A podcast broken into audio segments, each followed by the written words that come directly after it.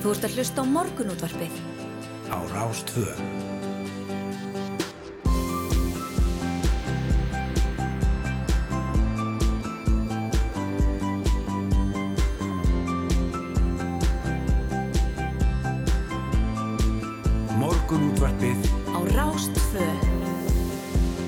Blessaðan daginn, Rúna Róbertsson og Yngvar Þór Björnsson helsa í morgunúttarpinu þennan 5. daginn, það er 11. ágúst í dag, velkomin að fætur Þetta liður hratt, við ætlum að fara við það í þættinum í dag Já, í lokþáttar þá ætlum við að vera í beitni frá mótmálum í Ráðhúsi Reykjavíkur e, þar sem fóröldrar sem eru ekki með dagvistun fyrir börsin gera kröfu á borgaráð sem funda klukka nýju venjusamkvæmt að grípa til aðgerða og já, við ætlum að vera á staðnum og, og, og heyra í þeim fóröldrum sem þarna eru. Já, einmitt, við ætlum aðeins að fara um bæjarháttina blómstrandi dagar í hveragerði.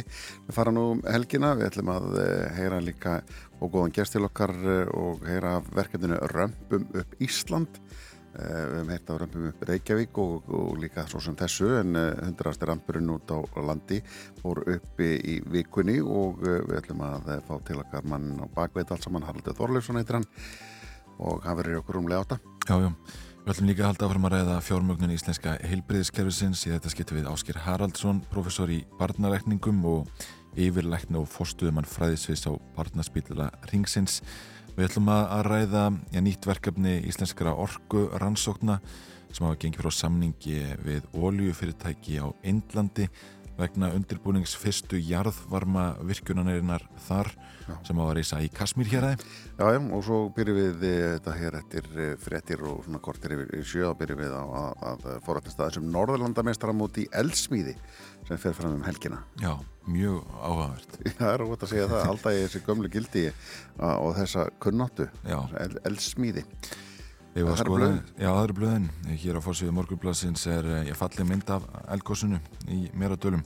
En eftir nokkura dag á lokun við góðstöðunar vegna slems viðfars og aðstæðina var opnað fyrir ferðir almennings að svæðin í gær og hér segir að margir hafi nýtt sér tækifærið og, og virt fyrir sér sjónarspilið við elgósið sem nú er átta daga gamalt en að sögt Björgunarsveitur manna gekk dagurinn í gær stór áfallalust fyrir sig en, en mikill viðbúnaður var á söðan eins og verið hefur en raun úr Elgósunni er að vera komið yfir skarðið í eistri meratölum og stefnir brátt að Suðustrandavegi, segi hér. Já, einmitt mannist að áhugavert einmitt þegar að tala um að þetta getur náðu Suðustrandavegi á tveim vikum fyrir nokkuð dögum þetta eftir 200 daga þá getur þetta haft áhrif en svo bara fer þetta ekki eins og með spáman vantarlega. Nei, þetta er flott að breytast. Já, það er sama með fyrirtablaði það er fórsýðmyndin er einmitt af góðstöðunum og og uh, þar er brósandi fólk og hafmyggisand fólk að uh, horfa á gósið og uh, talaði um að mikið gleði hafi verið á svæðinu.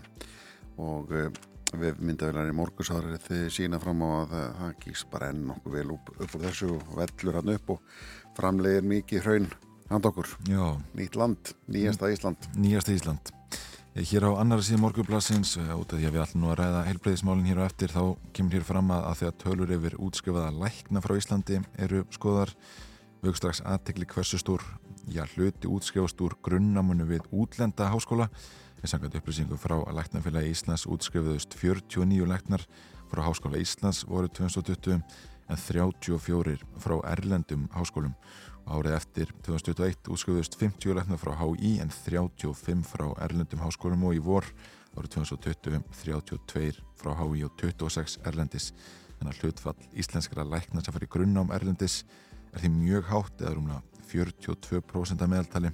Eh, en eh, samkvæmt mannaflarsbá Læknarfélags Íslands þarf að útskjöfa fleira en 90 lækna árlega til að næg nýleðin sé í fæinu og það er nú Allt bærst um þessi sæti hér heima? Já, þau eru ekki með 60 Já. en það þau þurfu 90 Þau þurfu 90 þannig að það er, það er eitthvað sem eitthvað sem þarf að bæta hana myndi maður halda.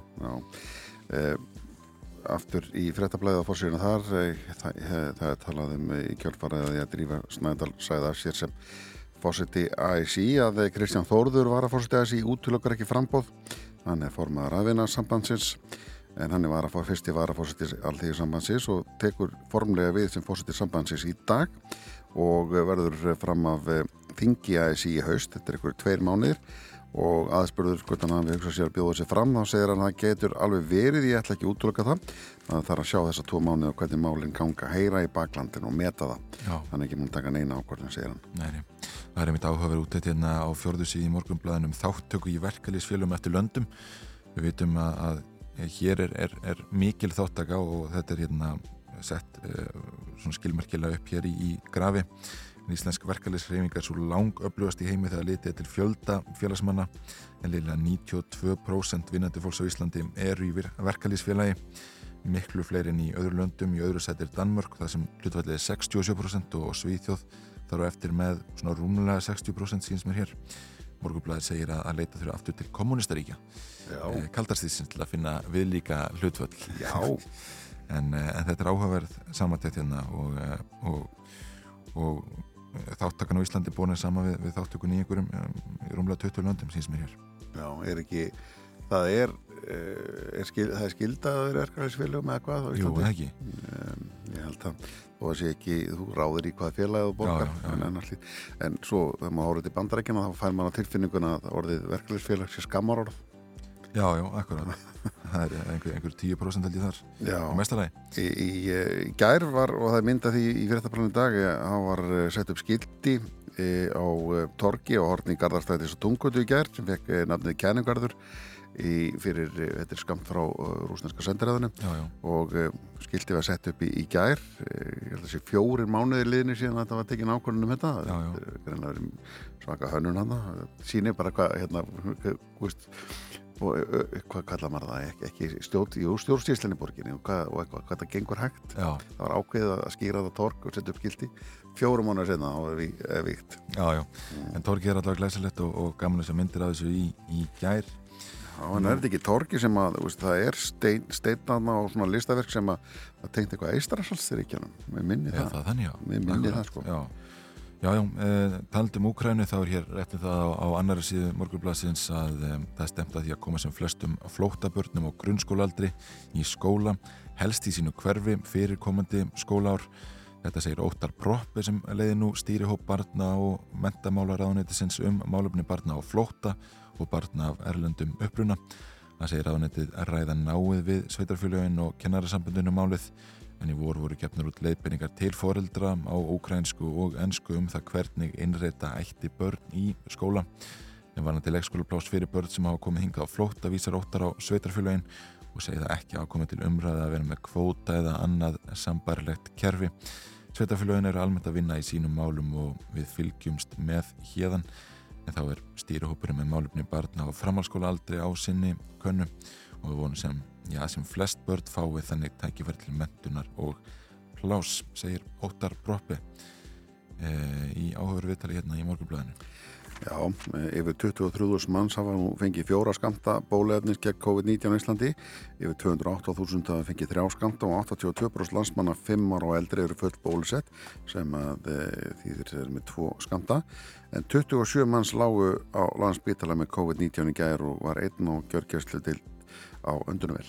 Já, Það er hérna, maður heyri lítið af þessu orðið og uh, það er eins og já, þetta sé bara búið, þetta er nú ekki alveg búið það er 27 mann sem liggi inni og einn á öndunum vel neini, einmitt. Ef við skoðum hérna þess fórsýðum rúf, uh, þar er verið að flytja fréttur af því sem gerðist í nótt út í einu stóra heimi og það er meðalansgrein frá því einmitt að Kim Jong-un, leiðtói Norður Kóru, hafa lísti yfir að, að já, lísti yfir sem hann kallaði undursamlegan segur í glímunni við kórunveruna.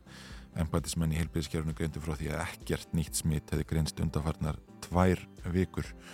Uh, já, já, það hérna, hafi verið áhört að fylgjast með hvernig Norður Kóra hefur, hefur handirað þennan faraldur. Uh, lengi vel viðkynnt ekki að smitt væri í landinu en, en gerðu það síðan. Já, Þá er, er ekki túrkmennistan eitt eftir sem á að hafa verið smittlust getum faraldurinn.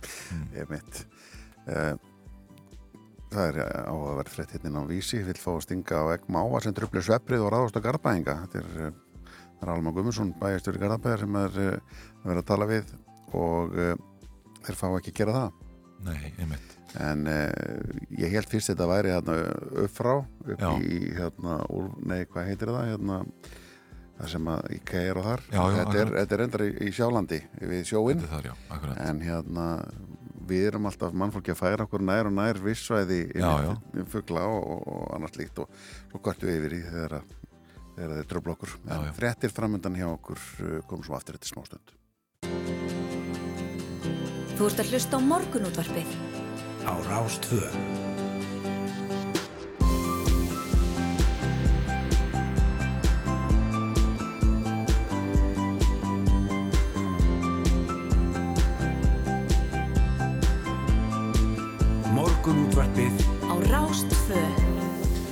Morgunúðarpið heldur hér áfram og býður góðan dag, 5. daginn 11. ágúst, sjöfrættir að baki og það eru Yngvar Þór Björnsson og Rúna Róbertsson sem ætla að vera hérna með ykkur til klukkan nýju. Já, og velkomin á, á Fætur og hún þetta verið dagar bara frábær hjá okkur uh, sem framundan er og þeir sem eigi afmæli í dag, kannski best að henda kveði bara á ykkur, Já, öll sömul öll sem vilja, akkurat. það er leys.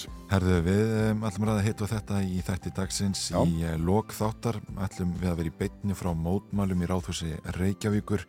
Það sem foreldrar sem eru ekki með dagvistun fyrir börnin sín gera kröfu á borgaráð sem ætlar að funda venju samkvæmt klukkan nýju. Þau ætla að já, gera þá kröfu að borgaráð grípi til aðgerða en ekki er útlitt fyrir að öll 12 mánuða gömul börn í Reykjavík fái leikskólaplási í haust eins og stemt var að. Eh. Þetta er Þetta var kostningalóður Já, í, í og ekki, ekki fyrsta skipti sem þetta er kostningalóður Nei. uh, og, og einhvern veginn þá, þá viðist lítið, lítið breytast Já, nákvæmlega. Bæjar átíðin blómstarandi dagar í hveragerði fara fram, á, fram nú um helgin og byrja reyndar í dag.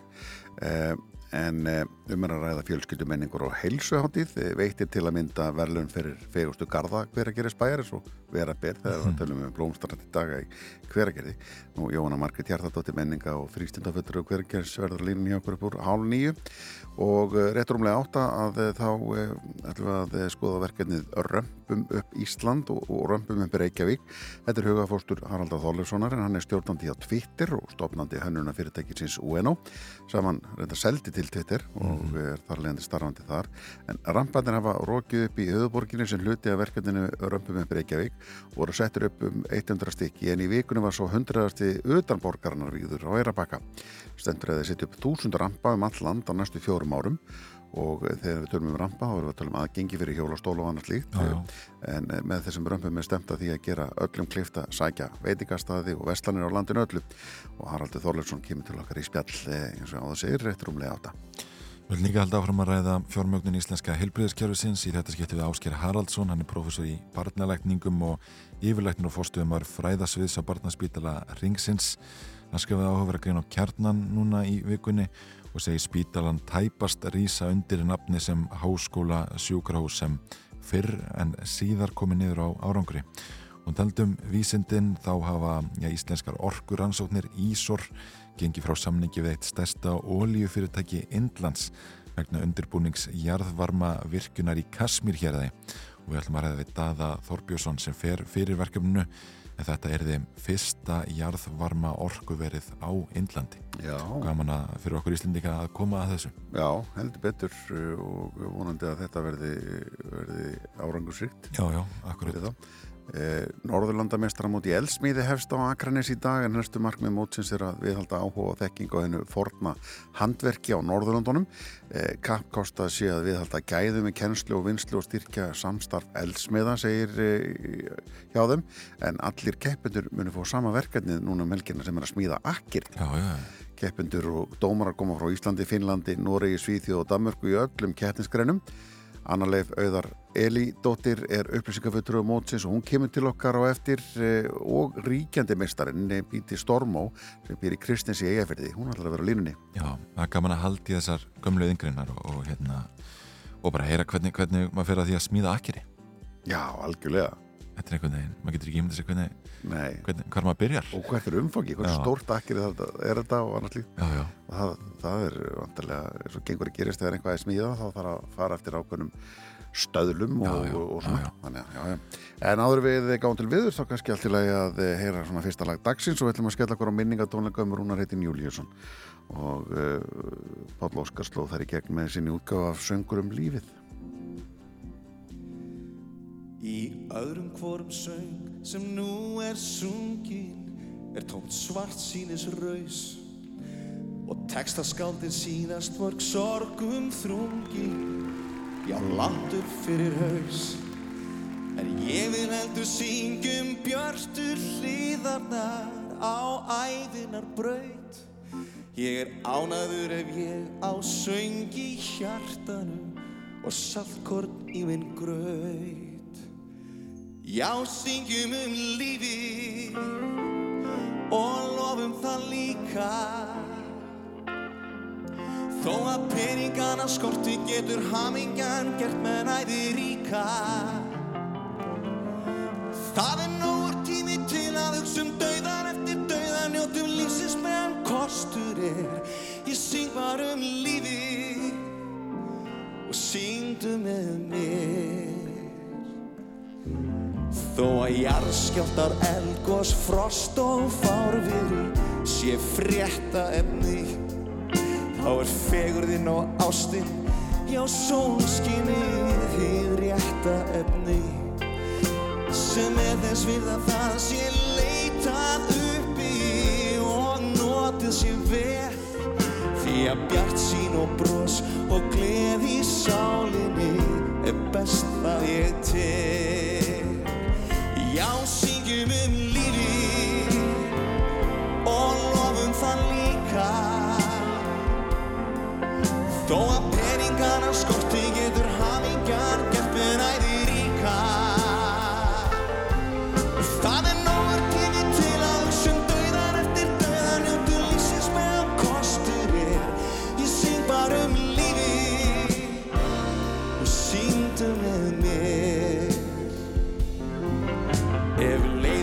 að hlusta á nöldun um, um fátækt og púl.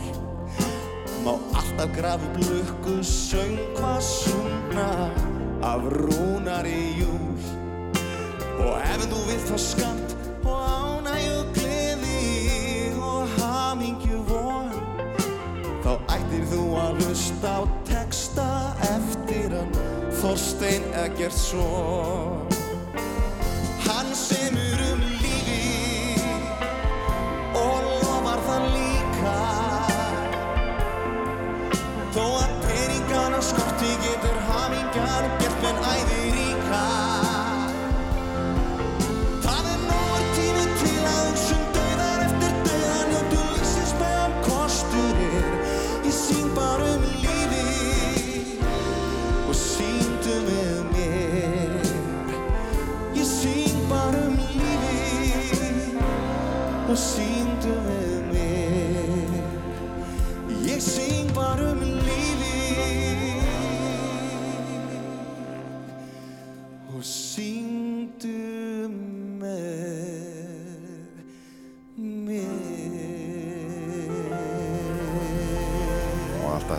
að vitlust á minningatónleikunum um Rúnar Júliusson söngur um lífið eh, að það sungir náttúrulega í textanum sem að Þorstein Eggertsson semur sem Já.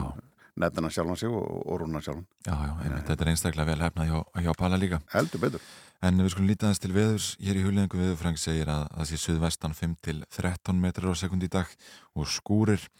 En í kvöld og nótt verður rigning eða súldum tíma á söður og vesturlandi. Hitti 9 til 17 stig yfir daginn en mildast austan til. Og þegar við skoðum kortið hér á, á VF veðurstofunar þá er nú bara til dæla bjart allavega austan til í, í morgunsárið. Já, e, og, og líta á landinu öll en, en ölliti blöyti mitt. já. Eh, tökum við höfuborgarsvæðis að, aðeins út fyrir eh, söðvestan 3-8 metrar á sekund og stöku skúrir næsta sólaringin en söðvestan 5-10 regningum tíma í kvöld. Eh, söðvestan góla og smá skúrir á morgun og hitti 9-13 stig. Og uh, þessar söðvestan uh, söðvestan átt og stöku skúrir eru í dag en ekki næsta sólaringin sjálfsögðu en hitti svona 9-13 stig. Svona smá skúrir, það er svona Já. smá væta í loftunum Já, já, en ekkert meira það, Það er haustlegt um að litast kannski. En uh, ekki segja þetta. Er ekki hausti besti, besti árstími landsins? Nei, a- hérna, besti besti tími ársins ætlaði að segja Geti verið. Já. Hittin á bylju 9-17 stögi við daginn, þá svona sleppur þetta til. Já, já, já, já. Það eru lítið mörstuð hérna á vegagerðarinnar, það kemur fram hér uh, það lítið til vestfjörða á Bólingavík að, að það verður unnið í ráfbúnaði í uh, göngunum í dag uh, 11. ágúst og það getur orðið ljóslaust á köplum á Östurlandi uh, vegna vinnu við Borgarfjörðaveg er vegurinn grófur og þar má búast í miklu steinkasti mælt með að fólk fari Róastunguveg og Lagafossveg og unnið er að fræsingu á borgarfjörðavegi við Hérasflóa og vegfærandur bennur um að aka með gátt. Einmitt, eh, hér er þetta smá stund, eh, þá er það eldsmiði sem öllum að ræða. Já, Það er Norðurlandamestaramót um, um helgina á Akranesi, meira en það er þetta smá stund en eh, næsta leikin í tónlistinni á Josh Estara og lagið þetta Green Green Grass. But she moves like lightning, and she counts to three. And she turns out all the lights and says she's coming for me. Now put your hands up, this is a heist. And there's no one in here living gonna make it out alive. Load it up when the sun comes down. Getaway car for two young lovers. Me and the girl straight out of town. Over the hills and undercover, undercover, undercover. She said, Green, green grass,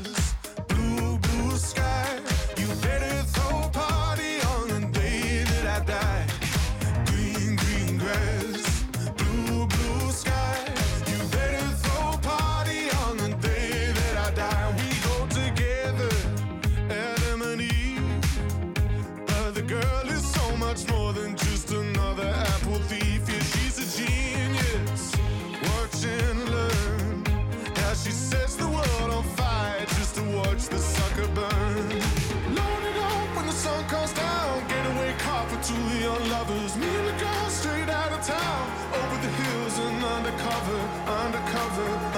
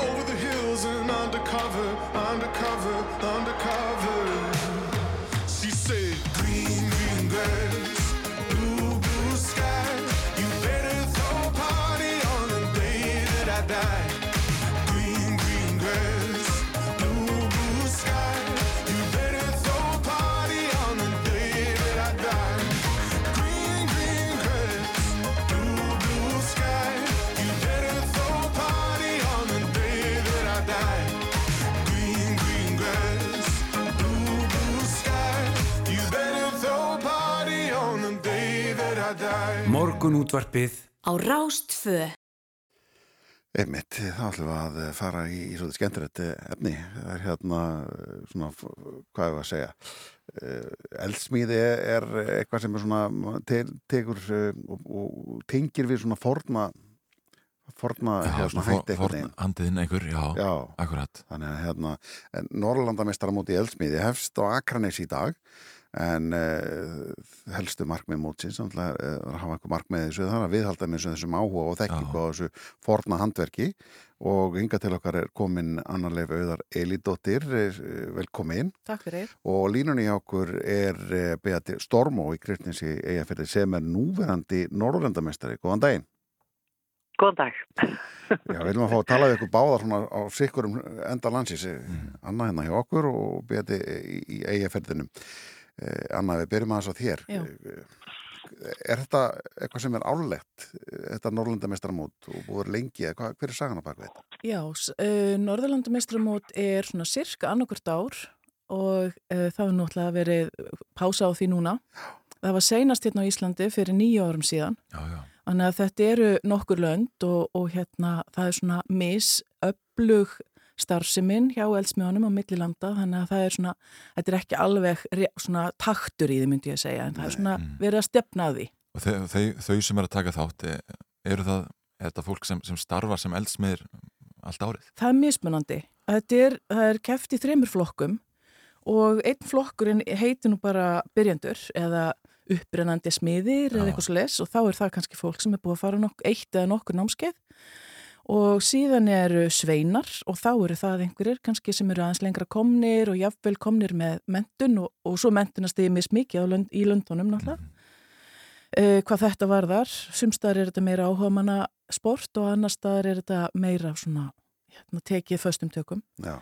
Og svo er það sem við kallum meistarar og það er þá keppnin sem er á sunnudaginn og, og hérna, hann er keppt í svona þremur flokkum og svo er fjörði flokkurinn sem eru liðakeppni. Það sem að verður svona kannski mest í háfaðinn og tveir, þrýra keppa í hverju liði og, og, og svona mikið, mikið fjör. Já. Já. Og, og, og þetta hérna stórhópur sem að stundar þetta?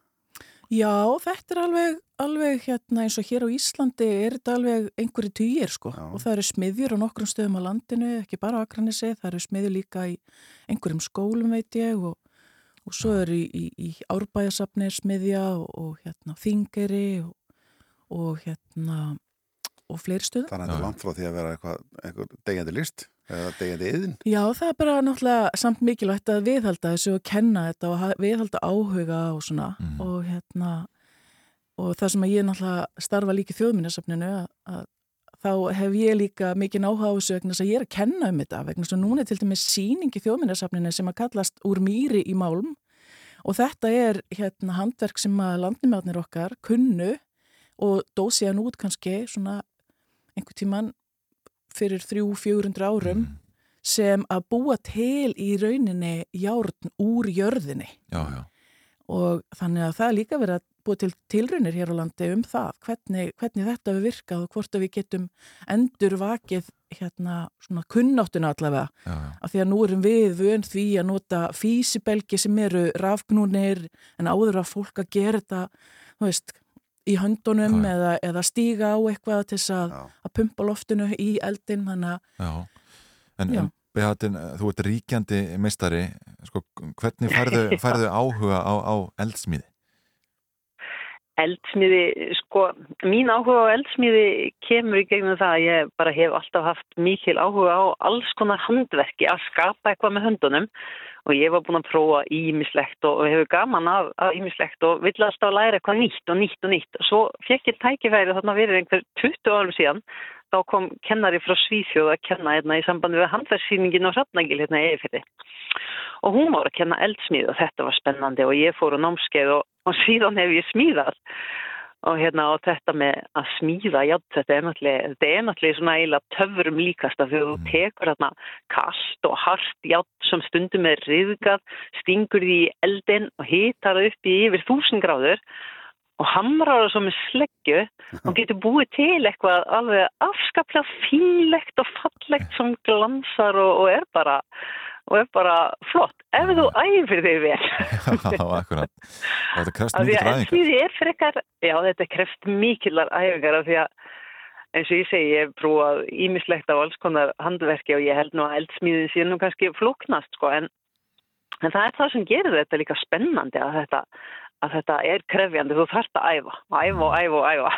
Já, Já, og ertu búin að vera því ætlar að stefna því að hérna að uh, halda tillinum? já, að sjálfsögðu stefni á því Já. en, en það, ég, get nú, ég get nú sagt frá því að ég fór í gerðkvöld og ákvaða að æfa mig að því að þetta verkefni sem má smíða á þessu móti er að smíða akkeri Já.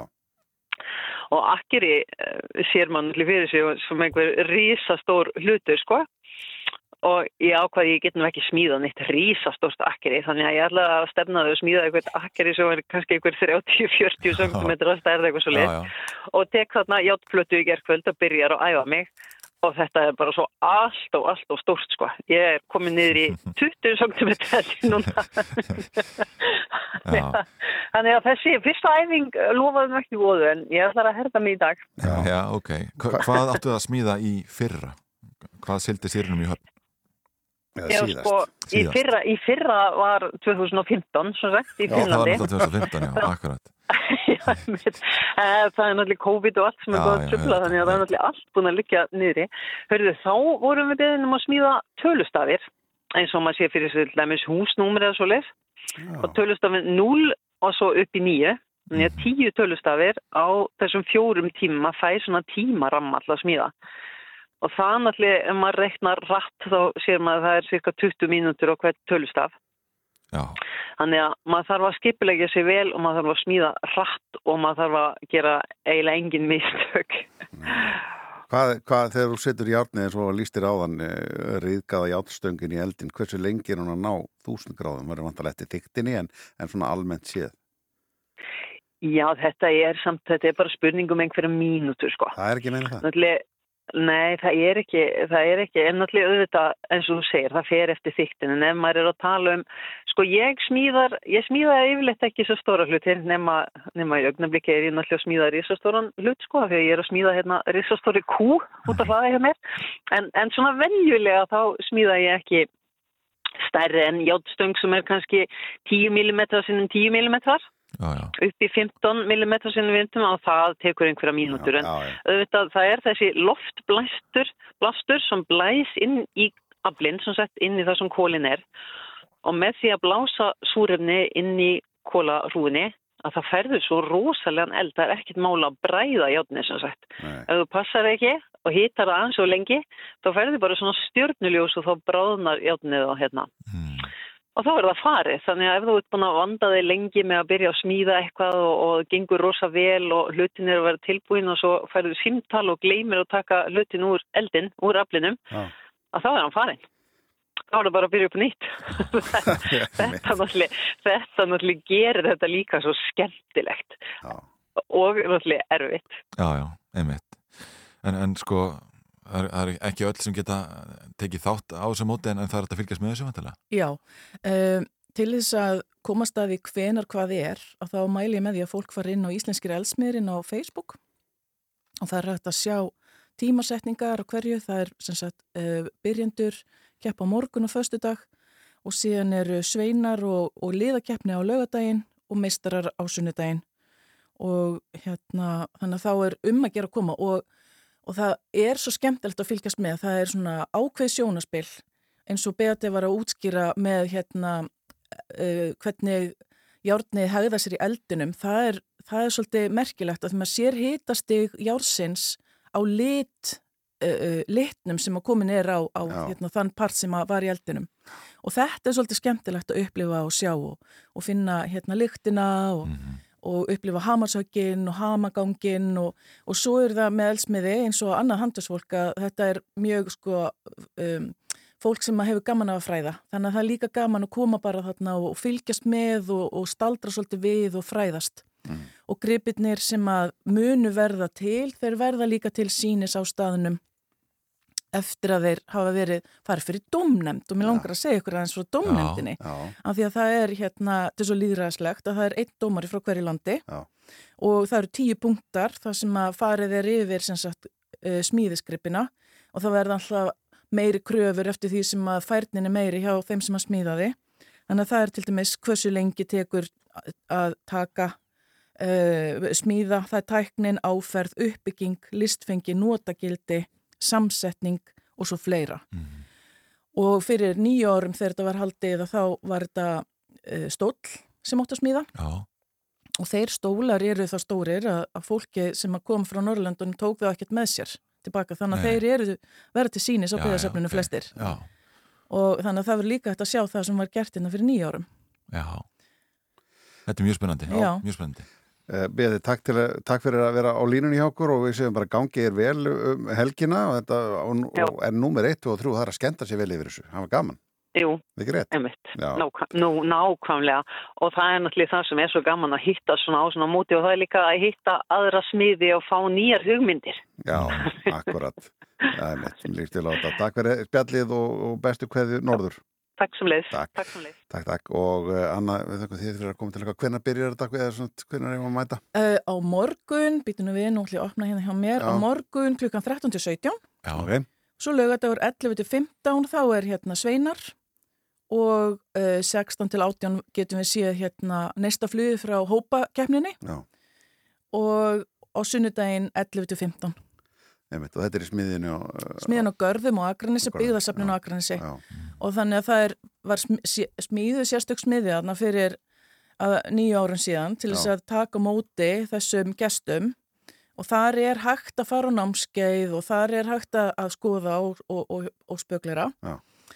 Og svo að því að það er náttúrulega ekki pláss kannski fyrir nýju hérna, eldstæði þar inni að þá er verður smíðað líka í tjöldum fyrir þetta núna Þið verið með þig hérna, Anna, þú varst hjá okkur hérna fyrir sumar að ræða um vettlinga Já. sem að hérna fundust í, í, í, í forn uppgrefti, Já. alveg eldgamlir. Þeir hafa aldrei betið slegið í gegn. Já, það er bara, fólk er búið að koma og skoða Mm. Já. og hérna fræðast um vaðmál, Já, Já, já, einmitt. einmitt, þúsund ára gamlir þúsundara gamlir Já. og taland um vaðmál og eldsmiði að þá er þetta svona þetta forna handverk sem Já, var mjög mikilvægt fyrir fólk hérna á öldum áður og það voru smiðjur bara á hverjum bæ. Já, Já. Fólk að það þurfti í rauninni í gamla daga þurfti að, að hérna svo kallar dengja ljái þá þurfti í rauninni að hita ljáina upp í slætti á hverjum degi til þess að brína þá. Já, já, já. Einmitt, Þannig að, að hérna vaðmálið og eldsmíðin þetta helst í hendur, myndi ég að mínum að allavega. þetta er mjög heillandi saga Anna Leif, auðar Elidóttir, takk fyrir að koma til okkar alltaf gaman að ræða við þig. Takk sem leiðist, takk fyrir að bjóða mér. Og eh, hér eh, eftir eh, smá stund að þá eða á slæðinu klukkan halv eh, átta þá fáum við frétta yfirlit og höldum síðan áfram hér í morgun útarpinu.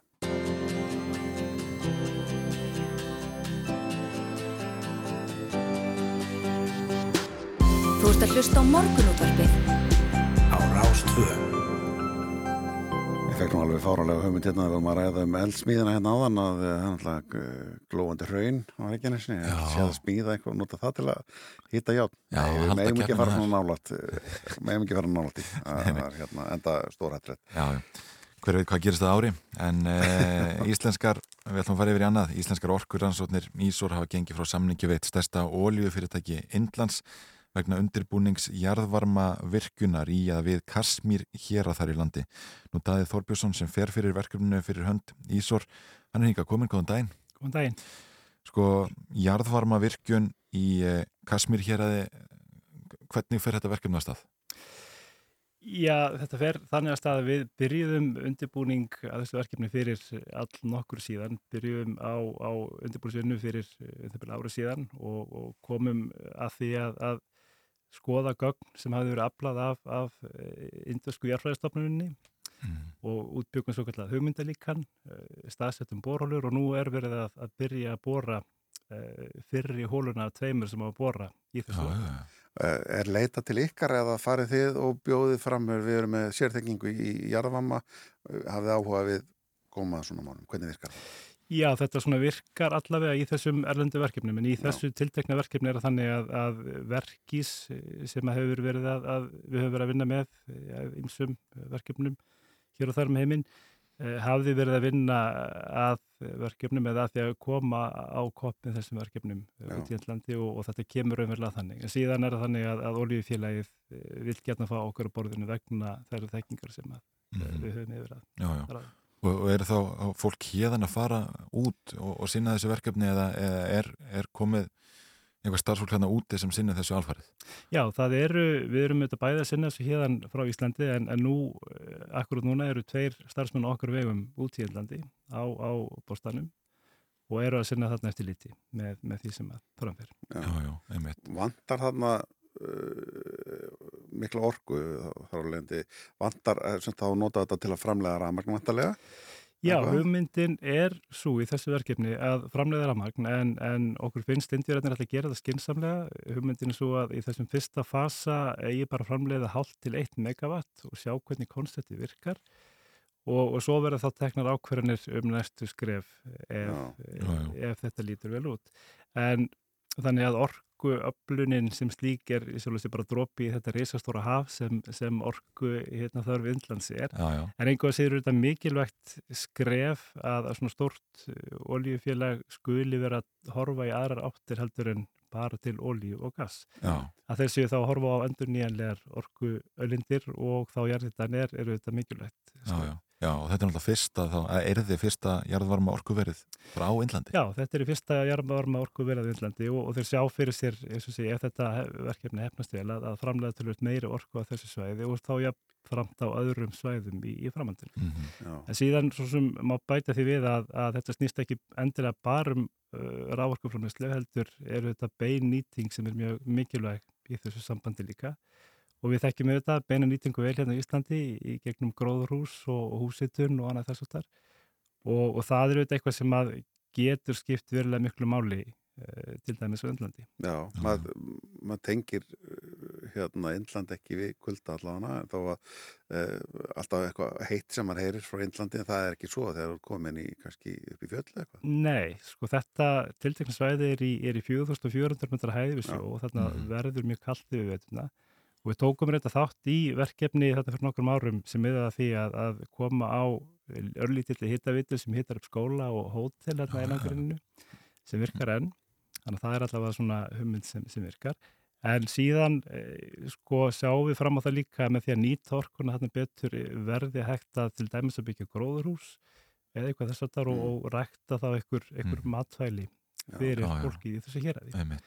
En, en talandu það að, að við tengjum eh, Indland kannski frekar að hýta en, en ekki kulda, þá er þetta líka möguleiki á að nýta uh, jarðhittan til kælingar á sumum stöðum og það er upp hugmyndir um það á öðrum stöðum á Indlandi að, að gera það. Já, já. En eh, síðan um, má benda það líka að, að víða eru gróðurhús á óleiklegustu stöðum þar sem eru verið að nýta þær, þetta er til dæmis í Túnis og, og Kenya, að það er eins og í Kenya eru, eru greiða stór já, já, gróðurhús einmitt. nýtt. Þú talar um það að hitta upp skóla, uh, sko hvaða áhrif hefur þetta á, á samfélagið þarna og, og atvinnulífið, ég meina nú, nú tengja einhvern veginn mörg held í Kasmir hér að við, ég meina þar kemur stundin til átaka eins eins og við erum í fréttum, uh, sko hefur það einhver áhrif á, á einhver störf og, og, og, og hvaða hildar áhrif hefur þetta á samfélagið? Já, við sjáum ekki átök á milli indir og kemur að hafi á- áhrif á, á okkar eh, störf akkurat þarna, en, en við sjáum fyrir okkur að þetta komið til með að hafa mjög góð eh, áhrif á, á samfélagið. Eh, Fyrir að fyrsta, þetta er raforka alltaf mjög kærkominn á, á stöðum eins og þessum, en, en síðan og ég nefndi á þann, ef að hægt eru að nota orkuna líka til, til dæmis matalramlislu og annars, þá, þá er það, það gríðilega hagsmunni sem, sem fyrst í því. Íslenska orkuransóknir, þið, eru þið í, í víða um heim að veita, veita ráðgjöð og vinna með erlendum hérna ríkisjöfnum og öðru slíku? Já, við erum að vinna við þeim heim og bara akkurat núna erum við að vinna að verkefnum, eh, já, auki Indlands, við erum að vinna að verkefnum eh, til dæmis í Indonísíu, eh, Tyrklandi, Tansaníu, Eþjópíu og Mhm. lítill eigu í Karibahafinu sem heitir Dominika, Mm. svo dæmis við tekin. Þannig að við erum, erum hingað á þangað og erum auðvitað í þessu, svo sem í samstarfi við ímsa aðra íslenska ráðgjafa Mm -hmm. Nefndi verkið sáðan, ég get nefnt til dæmis Mannvitt og Nordic Energy, uh, vatnaskil og, og, og, Warm Arctic til dæmis. Þetta er mik mikilvægt að, að svona, við samunum kraft okkar til þess að Já, þetta er eitthvað sem er alveg til útflutnings frá Íslandi, það er þessi þekking á jarðvarmannum. Já, hún er það og, og við höfum haldið því svolítið á lofti og, og hérna hefur verið reikinn jarðhætta skóli saminu þjóðana uh, síðan 1979 þannig að við erum og höfum lengi verið að flytja út þessi þekkingu Mm -hmm. En það má líka alveg nefna að, að þetta virkar svolítið í báður áttir vegna þess að, að það er þannig að ekkit engin tvö jarðhættasvæður eru eins þannig að það að, að fá reynslu af erlendum svæðum nýtist okkur líka hérna heima Já. Eru þau öðru sér? Menna, eru öðru sér vatn sem kemur upp úr þessu? Við þekkjum mikið um kísil hér og annars lítið, er þetta eitthvað öðru sér? Já, sko vatni getur verið öðruvísi, uh, þetta efnarsafsending og annað, síðan er jarðfræðin bara uh, mjög ólík á frá einum til annars. Og við hugsaum um himalagi dæmis að, að þá erum við þetta í, í svona miðjum fellingafjöllum þar sem Já, er mjög þetta ólíkt umhverfi sem að við þekkjum hérna í Ísland. já, en er þetta að reysa jarðvarma virkun nánast hvað sem er? Nei, við þurfum þetta að hafa heitt vatn og Já, það eru þetta ekki allstaðar en, en e, þar sem heitt vatn er, þar, þar er það hægt en síðan eru þetta teknin alltaf að batna þannig að það þarf kannski ekki eins heitt vatn núna eins og, eins og þurfti fyrir einhverjum árum síðan til þess að framleiða rammagn Já. og eins og ég nefndi á þannig þá, þá þetta skiptir máli líka að, að horfa svolítið til beinu nýtingarinnar vegna þess að það er eitthvað sem skiptir máli Já, þetta samingunum mjög viða. Nendir á þann að hérna, nota heitt vatn til kælingar. Hvern, hvern, bara ef við fyrir svona örstuð í það, Hva, hvernig gerur það? Já, það eru svona kannski verkfræðingarna að svara því en, en, en hérna en Það er vantalega til að knýja eitthvað sem að kælir. já, en við getum bara svo sem nefnt eh, það að, að hérna að í ískapnum heima hjá þér að, að þar, þar virkar hann með svona varmadælu þannig að, að hann er að nýta varma í sjálfsitt samt til að, til að, Til að til kæla. Ef við lítum á þetta verkefni e, á Indlandi, sko, hver er tímalína, hvernig gerir ráð fyrir því að, svona, að stóru skrefin verið tekin í þessu? Já, eins og segja án, þá er verið að byrja að bora fyrir hólana tveimur, þetta er þúsund metra djúpar hólur og það eru verða vantilega að prófa það setna í höst þannig að við vonum til þess að prófunum að þessum hólum verið lokið núna í, í november og þá tekur við ykkur úrvinnslega og, og þess að þannig að, þannig að við verum vonandi búin að leggja línur fyrir næstu skreiðu verkefnu í upphafið næsta árs. Daðið Þorbjörnsson hjá Íslenskum Orkuransónum, takk fyrir að koma til okkur í morgunóttabæð.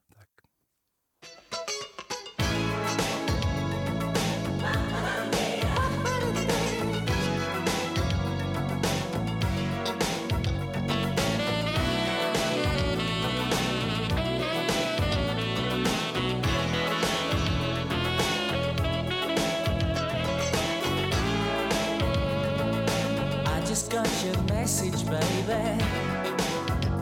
It's a sight to see you fade away. World is this feeling. Catch your breath and leave me reeling. It'll get you in the end. It's God's revenge. Oh, I know I should come clean, but I prefer to deceive.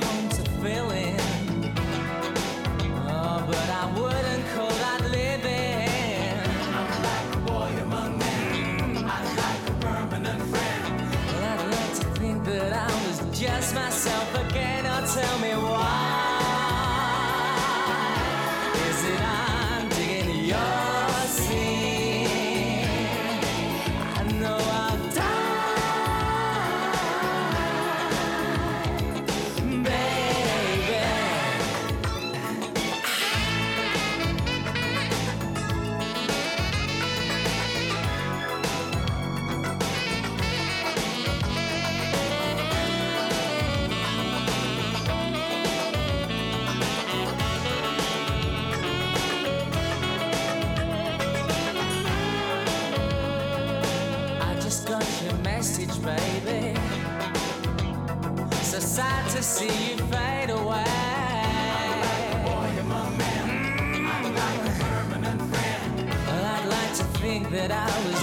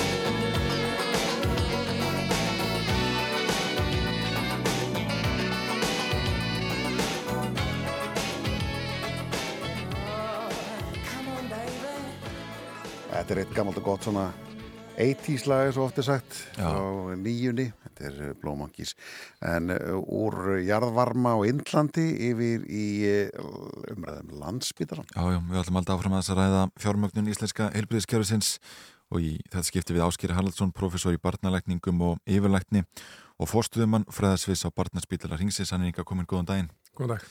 Þú skal vera áhuga að vera grein á kjarnan þar sem þú ja, tala meðal annars um það að ja, spítalinn rísi tæpast undir nafni sem háskóla sjúkrahús sem fyrir en síðar komið niður á, á árangri. Sko við fyrir maður að segja þess að fjármögnun og, og áhrif hennar á vísindi og þekkingu innan þessar samfélags.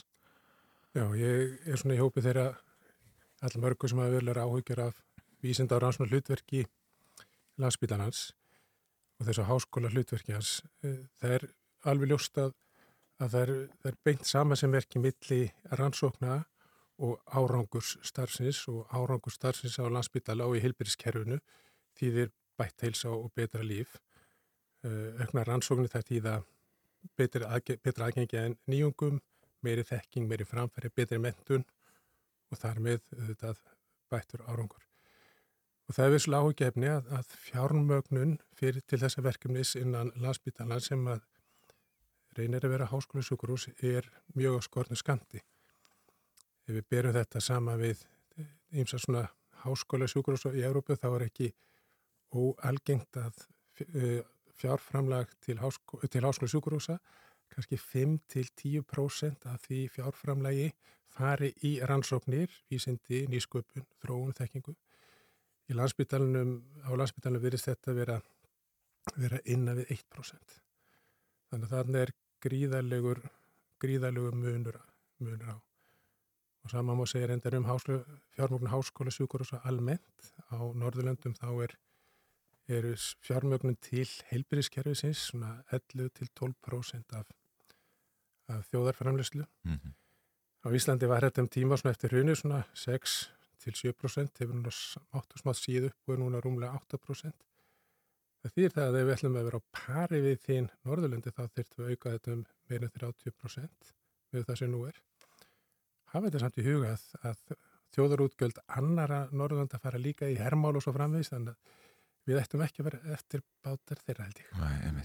Er, er hægt að kalla landsbytalan háskólusjúkurás? Já, ég held að við verðum að gera það. Háskólinn er er í mjög ákveðnu uh, sambandi og samstarfi við Háskóli Íslands sem því miður hefur gliðnað á síðustu 10-20 árum og það samstarfi er ekki eins gott og stert og það ætti að vera. Þannig ég held að við ættum ekki alveg að stíga það skrifa að, að, að, sleppa því. En það við verðum að horfast í auðvitað að, að rannsóknar virkni á landsbytalanum hefur ekki bara rakað, hún hefur, hún hefur, hún hefur hrunið. Við vorum í hópi bestu háskóla á Norðurlandum fyrir 20 árum áður en að spýtlaðna voru saminæðir. Við erum núna langt, langt, langt fyrir neðan það og reynda fyrir neðan heims meðaltal í gæðum og magni byrtra vísendegreina. Það finnst svona aðal vandin varandi fjármögnuna á heilbreytkjörnum okkar og þar með talið þetta uh, þú ræðir að, að eftir hrun þegar þetta skera niður allstaðar þá einhvern veginn, það er 14 ár frá hruni að hérna þá einhvern veginn náum okkur ekki upp það, það sapnast bara upp vandin og það er svona þetta sé svona já, þetta hefur við gátum skorið niður og þetta verðist alveg ganga svo leiðs og látu þetta bara ganga, það var ekki bætt í aftur leða var hægt. Ég held að þetta sé harrið greining og heilir að þá þurft að skera gríðlega mikið niður í hrununni en eins og Gilvi Sóuga, professor í hagfræði hefur, hefur líst að þá höfum við ekkert náð okkur sérstaklega á stryka eftir það. Síðustu 1-2 árun hefur svona svolitur ofar til en það er gríðarlega mikill uppsafnaður vandi. Við höfum dreyist aftur úr í rannsóknum og vísundum, þar með talið þekking og þekkingasköpun, að þá þurfum við að gera mun betur til að vinna upp þennar slaka. Mm. Ef þetta heldur áfram á þessari breyt, þá verður stöðugt erfiðara að ná aftur upp, upp árangri í þessum, þessum greinum sem að stýðir aftur lagar árangur í helbískerfinu. Og það, þessu verður ekki snúi við með, með skyndi átæki eða einhvers konar átæki. Þetta er ára og áratuga verkefni að snúa við svona þróun og setja okkur áttur á þann stað sem við, við viljum vera á. Mm. Það er stort verkefni sem býður. Að mann eftir, eftir, ég veit ekki hvað það tengist þessu, en að mann eftir sko voru styrkir á, frá Evróparsamundinu vel lengi vel sem að var síðan voru, var klift út. Hafið það áhrif á þetta eitthvað liti? Ég skal ekki segja það, en styrta umhverfi á Íslandi fyrir e, e, rannsóknir, ekki síst klíniska rannsóknir, er alveg sérstaklega vikt.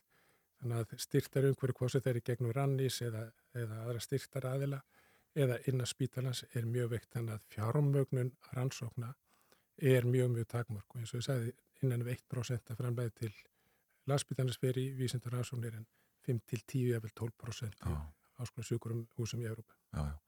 Þetta er áhugavert, þú veit að benda hér á- í greinin á það að sko, það sé aðtilsverð hversu vel ráðamönnum íslensku þjóðurinn hefur tekist að aðstofið endur uppbyggingu fjármálakerfisins e, gríðalvegur hagnaðar bankana og, og bendi líka á það að uppgangur sjávarútvegsins hafa verið ótrúlegur og, og hagnaður mældur í 20 miljarda e, hvers vegna heldur að, að það ekki verið bröðust eins við það að koma heilbríðskerfinu? Ég, þú er eiginlega ekki að, að draga að mikla ráleitin að þessu en það virðist vera ljóst að það er umtalsverðir fjármjörnir til á Íslandi. það sem að svíðu líka þessu finnst mér er það að, að svo kynslu sem að uh, byggði Ísland, það var ekki mín kynslu, ekki ykkar kynslu, ekki kannski næstu svolítið undan mér. Það var kynslu sem núna er aldrei Íslandingar. Með í orðsins fylstu merkingu, með blóði, svita og tárum, byggðu upp samfélagið okkar sem vildum hafa gott og jæmt samfélag. Við viljum að allir er jæmt aðgengna heilbyrðiskerfi. Við viljum ekki að barn sem veikist það fór verri þjónustu eða betri þjónustu eftir hvað það er í, í, stakk búið innan samfélagsins. Við viljum að þeir sem er veikist uh, fái góð, góðan, góða þjónustu. Núna leifum við okkur, uh, mér finnst það bara, þetta er eins og högg í magan, við leifum okkur að tala um þessa öldur ístendingar sem þurfa núna á þjónustu okkar að halda, við sem að njótum þessa samfélags. Við leifum okkur að tala um þá sem vandamál þessi vandamál að komaðu ekki burt af, af sjúkurhúsinu. Þessi fráflæðisvandi. Fráflæði sem vandamál, það er eins og högg í magan að heyra bara þetta, heyra bara þetta, þetta orð. Þannig að, að ég held að það sé svona verulegt verk að vinna þannig til þess að, til þess að breyta þessu. Háskólinn og, og landsbyrjum þurfa að vinna vel saman, þetta á að vera þjónustu fyrirtæki sem byggir á nýjustu og bestu þekkingu sem, sem, sem til er.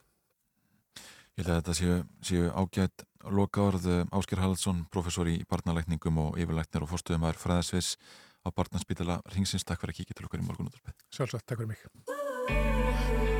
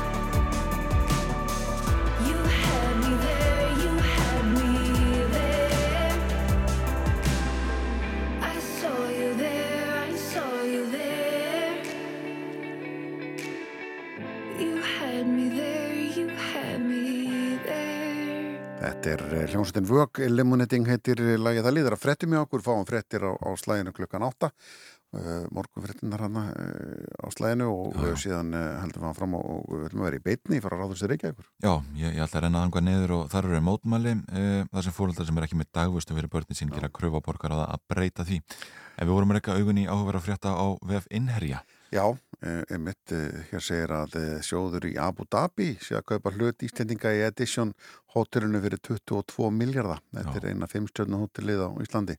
Hérna þjóðarsjóðum fyrsta dæmisins, Já. Abu Dhabi, ADQ, langt komin í viðræðum um kaupa rífilega 70% eignar hlut félags í eigu íslenskara fjárfesta Já. sem er að stórum hluta lífeyrisjóður, segir hér á, á VF Inherja. Einmitt, en... Frettir framöndan hjá okkur heyrust aftur hinum einn við í morgun útvarpinu. Þú ert að hlusta á morgun útvarpið. Á Rástvö.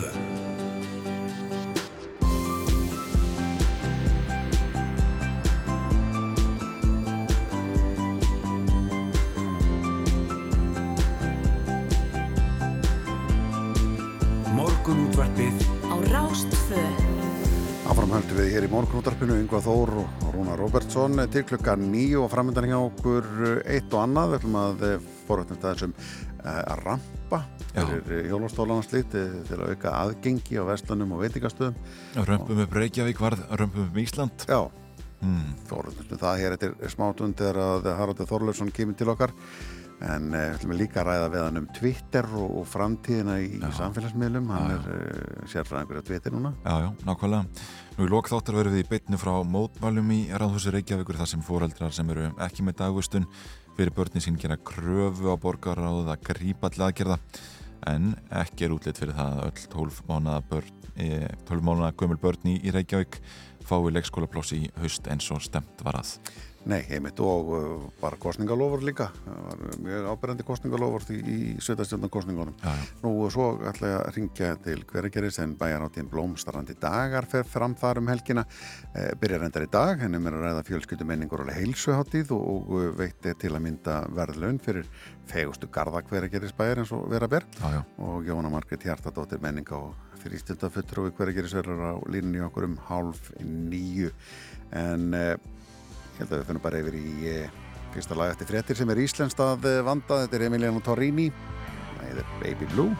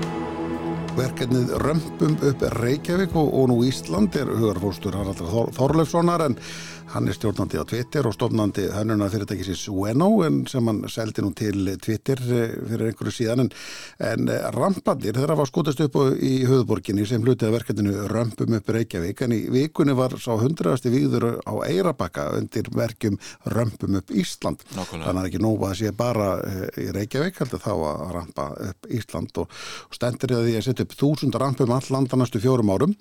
En eh, með þessum rampum er stend að því að gera öllum klift að sækja veitingastæði og vestlanir á landinu öllu. Og Haraldur Þorlesson er mætti til okkar í spjall. Velkomin. Þetta, eh, þú byrjar í Reykjavík eh, og varst náttúrulega búin að líta, líta í kringu því í Reykjavík og aðgengið bara mjög slæmt eh, svo fyrir þetta rjúk ánfram bara leðu þú fyrir á staði þetta, er, er þetta bara andvarleysi hjá vestlunum og borginni og annað slíkt að fara ekki í þetta?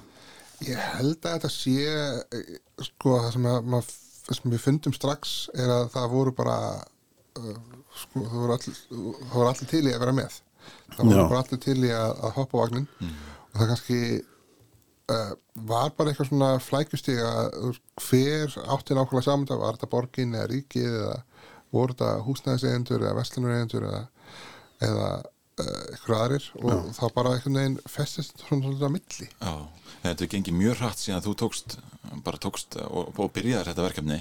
Eh, hvernig er leistu þessu flækjustíði? Þurftu þú sjálfur sem sagt að, að hafa samband við Ríki og Borg og, og, og svona knýið þetta áfram? E, við, já, við náttúrulega við töluðum við, sko við byrjum að vinna þetta í borginni og það var svona gekk bara alveg ótrúlega vel bara miklu betur heldur en ég hefði þólað að vona við ákveðum að byggja hundarrampa sem var nú bara skotið til loftið því að við vissum ekkert alveg hvað varum að gera en það kláraðist á áttamánuðum sem átti að taka tólmáni og við komum inn bara nokkuð langt undir, undir áallanum í bæði í verði og tíma og já, við byrjum að tala við, við borgina og síðan fengum við fyllt af góðum styrstaraðalum og síðan fengum við náttúrulega góða verktaka með okkur og þetta bara gekk. Já. Og hundraðasti rampurinn þá eh, með Reykjavík eða, eða bara út á er landi svona- Þetta er svona svolítið flókið, það er komið 200 rampar allt í allt. Ok. þannig að það voru 100 í Reykjavík og síðan eru komin 100 í setjum hlutanum. Já. og þannig að allt í allt verða þetta 1100 Já. þannig að við erum komið 200 af þessum 1100 Já, sáum fréttir að því í gæra það var verið að við hennan hundraðastægi á Eirabakka og þú, þú varst að þar eh, hins vegar sá ég rakki augun í, í fæsli þára Twitter þar sem þú segir að, að Ríkisjöndin var að bæta við framlæði til ykkar Já, sko, ríkisjórnin hefur verið hérna mjög bara góður stöðnur sýstiraðali hjá okkur, bæði í fyrst í hérna í Reykjavík, þá komum þið inn. Og síðan byrjuðum við byrjaði þetta samtal með að fá þau inn í Römpum Ísland bara fyrir svona tólum síðan og við svona kláruðum svona formlega sig að skrifa undir hann í gær. Já. um, en þetta hefur verið mjög lengi í, í vinslu með þeim. Og þau sko innverðandi styrkir okkur um bara mjög velega um, um 200 miljónur svona á næstu fjórum árum. Já, ok. Þetta, þetta er merkjaldið, þetta hefur einhvern veginn sínt held ég mörgum hversu slæmt aðgengið hefur verið hinga til og, og mörg ekkert pælt í því þannig séð. Nei, ég held uh, það sem ég hugsa oft um sko, það er, jú, það er alveg öll að vera pyrraður yfir því að, að aðgengi er ekki nóg gott. Og, og hérna og það er okkar svona sem samfélags svolítið að hugsa upp á það að allir sluti sig í lagi en síðan eru alls konar aðgengismál sem ég hugsa ekki um sjálfur sko. ég hugsa að þú veist í svona mínum daglega, daglega lífi þá er ég ekki enn til alltaf að hugsa um hvernig það er að vera blindur eða við erum með önnur sko, eitthvað aðrar uh, hömlur í lífinu. Þannig að maður skilur að einhver leiti að fólk er ekki kannski alltaf að hugsa um þessa hluti. En, en þá kannski er það bara okkar svona sem samfélags að, að gripa inn í og, og vera með allt saman. Nákvæmlega. Það, þú ert með margt að þinni gönnu svona, og, og hefur verið undanfærið. Þú er náttúrulega starf núna hjá, hjá Twitter, eða ekki? Jú. Hva, hvað ert að gera nákvæmlega þar? Um, ég er uh, í svona, að leiða vöruþróun í, í svona, þessum hluta fyrirtæknum sem er uh, að hugsa aðeins fram í tíman. Þannig að það er þessi hefbundi Twitter-miðl sem að mörg okkar þekkja og síðan eru alls konar vörur sem eru í þróun sem eru þá viðbætur við það hvernig það er að, nota Twitter í dag. Þannig að það eru svona hljóð uh, vörur eða, eða svona samfélags eða svona uh, community vörur sem við erum að þróa og svona finna leiði til þess að, hjálpa fólki að tala saman á öðru þessu áttaldir en bara að öskra hvort annað á, á megin, tímalinu. Hver, hver er framtíðin hann já, í samfélagsmiðlum? Hvert erum við að fara? Við höfum rætt þetta hérna í morgundorfinu í tæknihóttunum með Gundi Jóhansinni og hann var að ræða framtíðina til dæmis núna eru sko, Facebook og Instagram að fara svolítið að elda TikTok. Hvert er Twitter að fara? Sko Twitter skilkynir sitt hlutverk sem eh, hérna eh, að hjálpa fólki í þessu bara að opna samtali sína milli. Þannig að við erum kannski aðeins öðruvísi heldur en heldur en TikTok og aðri miðlar sem eru aðeins meira uh, bara eiginlega svona entertainment miðl. Við erum meira, meira að hugsa þetta sem uh, þetta lag á milli fólks þannig að fólk getur tala saman og það er það annarkvort bara í spjalli á, á, á tweet eða þá núna í- með alls konar hljóðvörum eða fleiri, fleiri leiðin til þess að fólk geti átt eitthvað svona samskipti Mm. og, og það held ég að alveg nöðsilegt að það sem að kannski er uh, ennþá eitthvað sem að fólk er að finna út úr er að við höfum okkur greinlega tóltið öðruvísi þegar við erum með eitthvað á milli. Þegar við erum með eitthvað lag uh, síman á milli til þess að tala um hvort annað þá kunnum við held ég ekki alveg, alveg sem fólk ennþá að, að hafa okkur eins og við myndum kannski gera ef við erum bara eins og núna auðvitað mm auðvitað þá erum við yfirleitt mjög miklu svona kurtisæri og uppbygglegri í samtali Já. en við leiðum okkur til að vera þegar við erum bara að skrifa eitthvað á skjá Já, maður finnst oft Twitter, maður fletti Twitter að það sé bara leðilt okkar og ég þarf á meðal sjálfur en ég menna þetta er bara að því að það er vantar svolítið filterinn af fólk. Ég held bara já, ég held að maður, við bara gleyma því ofta að við erum að tala við hana fólk Já. þegar við erum bara að skrifa eitthvað út í lofti sko. Já. og við gleymum að, að hérna, við eigum að vera kurteis og góði hvort annað. Já, það er ekki nóg með að sért, sért uh, í þess, þessari vinnu og við, við, sko tíma, sólaringur þinn er allt annar þar sem þú ert náttúrulega í, tímanbeltinu á Vestiströnd bandarækjana að vinna þar en, en þú ert að opna uh, já, kaffjús og bíosal og eitthvað og svo ertu líka komin inn í, í listasandur ekki ekkur. Já, við, það, við, sko, við fluttum inn á Tryggvötu, uh, ég og kona mín og, og bönnun okkar tvö og við hérna um, fundum bara nokkur vikur setna að það var laust þarna beint á mót okkur uh, aðstæða sem við kiftum Mhm. og, og ég ákvaða að byggja kaffehús, veitingastað og bíosal og, og skýraði höfuða mamminni sem ég misti þegar ég var 11 ára Mm. sem heitir Anna Jóna, eða hétt Anna Jóna og við erum að vonast til að opna núna bara í haust það er undar, erum við aðeins dreigist það er, það er erfitt að að fólk en við erum að stefna á, á frá nóvambir sem opna tíma er það bara svona hefbundi kaffjús eða verður þetta eitthvað, eitthvað öðru í sig? Þetta er, þetta byrjaði sko eira sem kaffihús, þetta er eira að þróast meira út í veitingastað uh, en samt svona með alls konar kaffihús og íói og síðan er uh, bíósalur sem ég er mjög spenntið fyrir lítill bíósalur, 45 sæti Já. og þar verður þetta sína alls konar svona myndir sem að kannski sér ekki alveg í bíó Já, já. kannski líkara kannski það sem að sér hérna eh, í uh, Bíóparadís. Einmitt.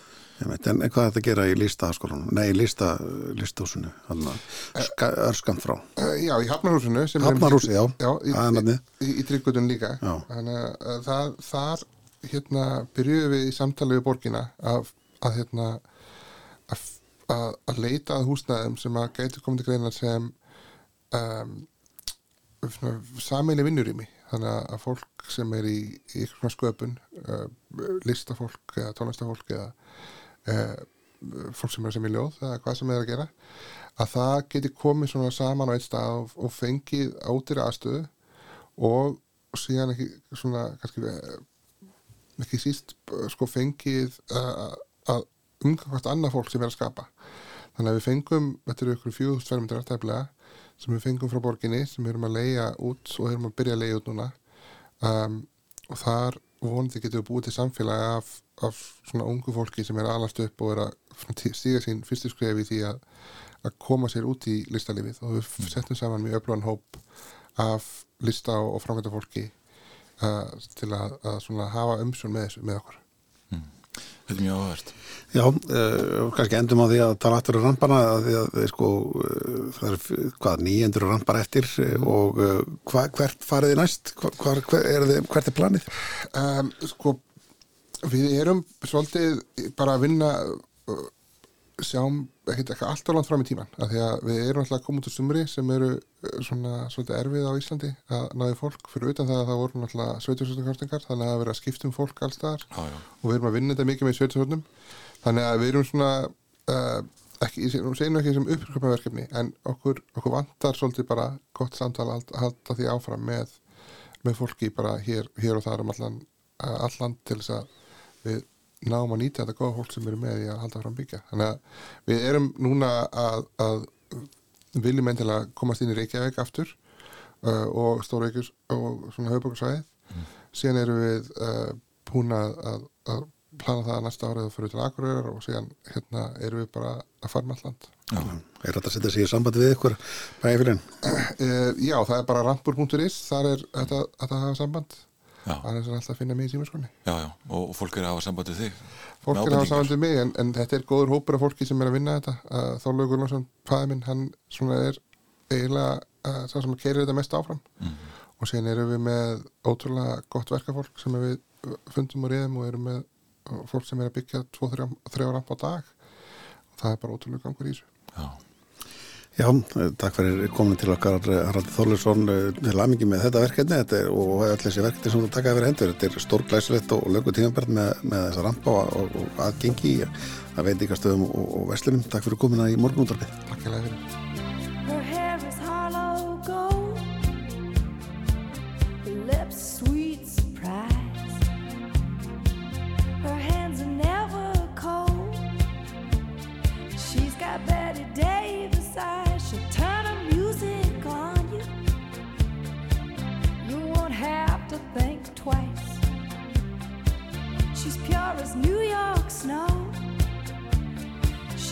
Betty Davis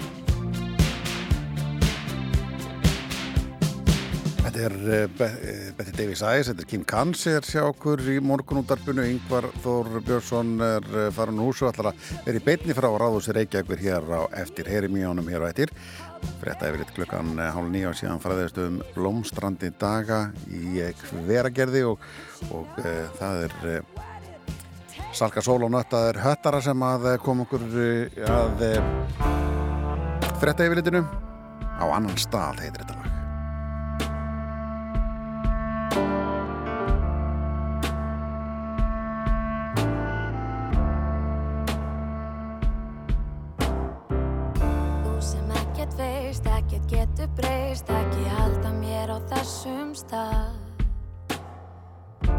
Hver er frjáls í hugar heimi má, ég ferðast ángað óbeislað. Því það er von mín að við förum brátt á annan stað, á annan stað. Og hver sem ástæðan sem mér er gefin þá fölna ég sem slör mitt sín og sláttur hjartans hverfur allra fyrstur og svo fylgir með allt hitt. Því það er vonum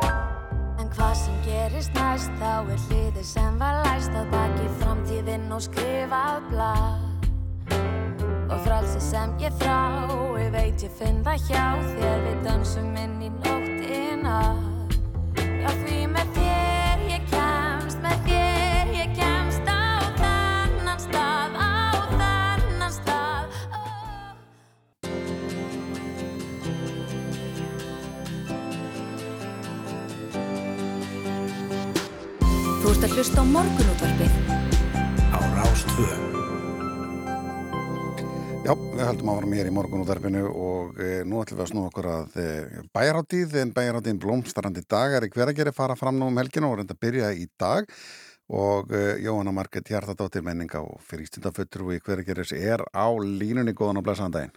Já, góðan daginn. Það var antala spenna í lottinu og ykkur, starðar hann helgi framöndan? Já, það er bara mikil tilhlökkun og, og veðrið náttúrulega sýnir sig og, og er glæsilegt eins og alltaf á blómstrandi dögum, þannig að við getum verið afskaplega ána með það. Já, Jú. nákvæmlega. Á Íslandi skipti veðrið svo miklu máli. Öllu, það bara eitthvað Já, öllu máli. Allir á Já. njánum síðustu dagana fyrir og byggjandi við ykkur um, um, um blíðu og það stefnir í Já. það. En, en segðu okkur Það aðeins, í það. já, segðu okkur aðeins að þessari hátíð, blómstrandi dagar. Hvað, Já, hvað er um að þetta er- vera? Já, það er mjög fjölbreytt dagskrá. Við leggjum líka mikið upp úr svona e, opnum sýningum, vinnustofum, Já. bjóðum gesti velkomna bæði í garda og, ímins fjölbreytt verkefni sem er bara verið að vinna að bæjarbúum í bænum okkar. Einmitt. Þannig að það er svona okkar sérstaða þessa helgi. Svo er náttúrulega fjölbreytt og skemmtileg tónlistadagskrá. Og hérna, við erum með fallega garda til sínis og það er andlegu málefnin, förum í jóka og, já, og það er tónlistarmessa og það er bara alveg ótrúlega margt í bóði. Já, menningarlífið í, í hveragerði blómstrar, og mann notur nú það orð. Já, það gerir það. Það er mjög mikið af, af bara öflugu listafólki hér í bænum Já. og hérna þau eru duglega að sína sig og sjá aðra og, og kynna það sem er verið í gangi. Já, hefur Þannig að líka, það er mjög skemmtilegt. já, hefur ekki líka verið mikil fjölgun íbúa í, í bænum undanfærin ár? Jú, allir sé ekki, ég heyrðist að það væri svona hlutfalslega mesta fjölgun hér Já, á landinu. er þetta að segja með það, er að það sé gott að búa í hveragerði? Það er frábært að búa í hverja það er bara þannig. Já, ég ef að það er gera Við erum að náttúrulega líka, það er þetta umhverfi, við erum með svo fallega gróður og Já. þetta koma gróður á skúlir líka, þess vegna verður gróðurinn fallurinn, en það er alveg virkilega, já, góður, eh, góð uppstitt á milli Já, sem já. að hérna gerir það að verkum að gróðurinn er fallegur hérna. Já, og ferðamenninni duglegir að heimsækja ykkur, sér maður? Já, það má eiginlega segja núna undarfærið í sumar, þá er eiginlega búið að vera bæjarháttíðin hverja einustu helgi í hverja er þannig. Við erum náttúrulega með skemmtilega flóra veitingahúsum, svo er nóga gistingu, hótelum og bara margt í bóði, fallegar gungulegðir, dásamlega sundlög. Þannig að það er svo ofbúslega margt hægt að gera og, og njóta hérna. Það er bara orðið hérna, mikil umferð hingað, bæði af Íslendingum og erlendu ferðamann. Já, einmitt. Þetta er bara orðin, já, það má- má segja, hver einasta helgi, þú ferð ekkit út að borða nema eitthvað að bóka borð. Já, það er, það er bara svo Það er bara orðið þannig. já, eins og náttúrulega nafn bæjarháttíðina gefur til kynna, blómstrandi dagar, þá er náttúrulega Mhm. hveragerði þekkt fyrir uh, gróðurhúsin og annars slíkt og þið ekki nóg með að, að, að, að eh, það sé gróðurhúsin heldur þið ætlið að verðluna fyrir fegustu garðana. Já, við gerum það alltaf á þessum tíma líka og þeir garda verða til sínus og síðan erum við líka, það er svolítið skemmtilegt konsept, við hefum verið að þróa endafærin ári í samstarfi við gróðurástöða hér í bænum. Já. Til dæmis garðirkjustöðin Flóra, þar er eh, myndlistasýning í einu gróðurhúsi og síðan er hérna í Bröttihlíð garðirkjustöðin Fíkus, það er mjög skemmtilegt konsept, það er, nú svo vinsælt að fá hérna, stofublóm í dag og hann er að rekta slíkt af Birgir Já. og hann opna gróðurhúsi sem er nú eitt nýjast á landinu hér og uh, það er bæði myndlist og, og leirlist og ímyndslegt fleira þar til sínis og lögadaginn. Þannig að það er svolítið skemmtilegt konsept að blanda saman myndlist og, og já, rektun í gróðurhúsi. myndlist og garlist. Orða það er bara frábært. Já, Ég sé þeir með, með markastorg og bílskúrssölur. Það er, Já, við erum alltaf gefið, já, bæjarbúin kost af að opna bílskúrin og Já, sína hvar það er, já, reyns út og, og hérna sína öðrum hvað er glæsilegir bílskúrar hérna í bænum. Já, Og svo er markastemning. Það eru nokkur fyrirtæki sem að bjóða upp á að, að hérna fá markasport já, og hérna þannig að það verður mikil stemning og, og hérna mikil mannlýf. já, Svo er Harmoniku festival og við erum með fordbíla og, og það er alveg ótrúlega margt, allskins bókamarkaði, plöntu skiptamarkað. Svo förum við alltaf í sögugöngu og nú verður sett inn nýjung, við förum í, í á hoppjól, rafmagnslaupahjól og, og fáum söguna sagða á þeim. já. Þannig að það er Er í bóði. margt í búði og, og ég hefa það ekki að það verði fullur bæra fólki. Hvað er best að maður kemur, segjum að maður komin úr, úr höfuborginu og ætla að heimsækja ykkur. Hvað er Já. nú best að svona bara parkera bílnum og, og rölda um bæinn? Já, það er hérna best bara að parkera bílnum bara hérna, já, ekkert að fara mjög langt inn í bæinn. Það er Nei. góð hérna bílastæði tengt austumörk og rétt við sunnumörk. Já. Og hérna, og bara ganga aðal götuna og tegja sig svo inn eftir öllu. Einmitt. Við erum með hérna kort þar sem sýnir bara hvað er, hvað, hvað það helsta er í bóði. Einmitt. Svo erum við með innst í bænum listigarð við Fossflöt og þar verður kvöldvaka og, og, og hérna flöðaldasýning. Og svo náttúrulega blómaballið, landsfræga. Já, Þetta er áratuga skemmtilegu dansleikur sem að hefur verið hér kentu við hveragerði. Í gamla dag var alltaf kosin blómadrottning, það er nú Já. reyndar ekki lengur en, en hérna, það er svo margar blómadrottningar í, hveragerði að það þarf ekki að kjósa eina. það þarf ekki að krýna þær allar. Nei, það er óþarfi. Það eru bara alltaf til staðar. Nákvæmlega. Jóhanna Marget Hjartadóttir, menning og frístundafötru í, í hveragerði. Takk fyrir spjalli og ég sé nú bara góða skemmtun um helgina. Takk hérlega fyrir. Hlakka til að sjá ykkur öll. Takk, takk. Og uh, þessu tengt að þá uh, var ég beðnum að uh, koma hér að smá tilkynningum að það verða helgirinn að nostalgíuparti á Hóteli Örk í tílinni af blóndandi dögum. Og kynnir kvöldsins er sjálfur Erlendur úr verbúðinni segir hérna, fjölmennt landslið söngvar og tónlistafinna skipar hljómsveit. Og Ívar Öll Guðjónsson stjórna nostalgíu pubquiz það var svona spurt út í hvað þú mannst eh, frá því gamlandar svona svo rúsjóvarstátum svo föstum liðum og ég vil friends og eitthvað. Og uh, síðan er eh, búningavelun fyrir besta 80s búningin og besta 90s búningin og besta verbúðabúningin já, já, já, já, það er alls engin skilda að mæta í búningi sér inn í tilkynningu en uh, þetta er sem sagt uh, á hóteli Örk á föstu daginn á morgun þannig að uh, hafi það í huga að vera með í, í því. Og þessi drengir sem konar að stað hér, þeir eru nú tveir fymtu búsettir í hveragerði og uh, þetta er á móti sól. Höldum áfram, svo skiptum við hér að þú streikja okkur hér eftir. Yngvar er statið þar, mótmæli í gang Gegnum þoku og fár og mörg ár Þar er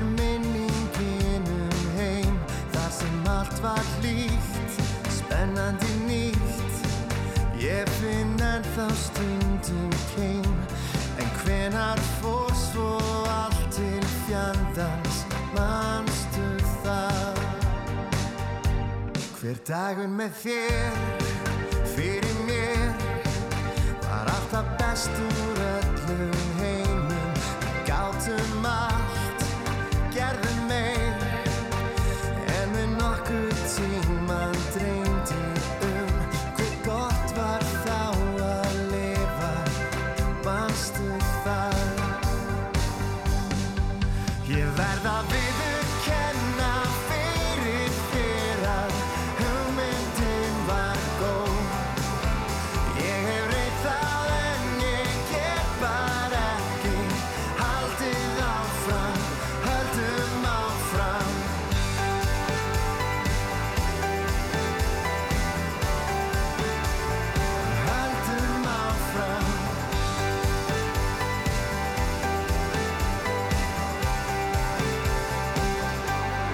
Gegnum þoku og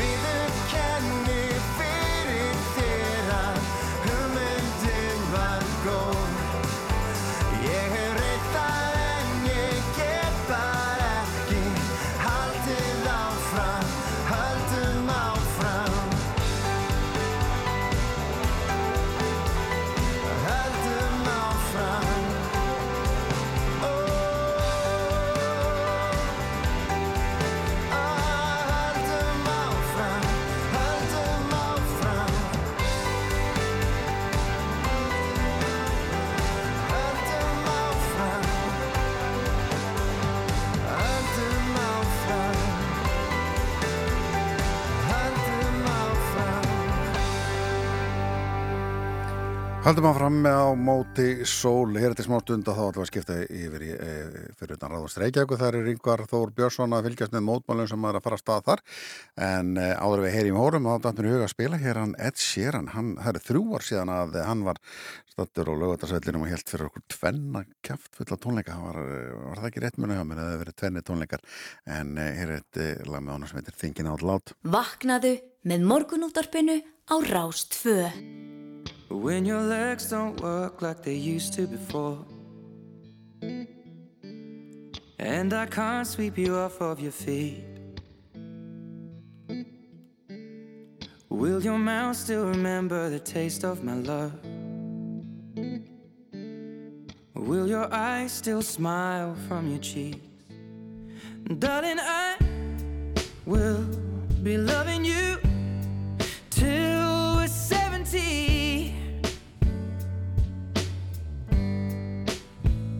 And baby, my heart could still fall as hard at 23.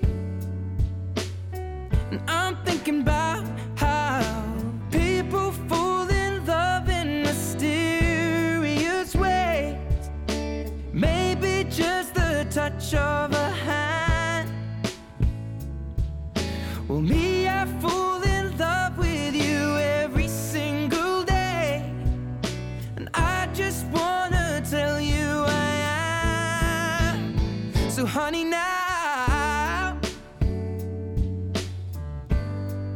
take me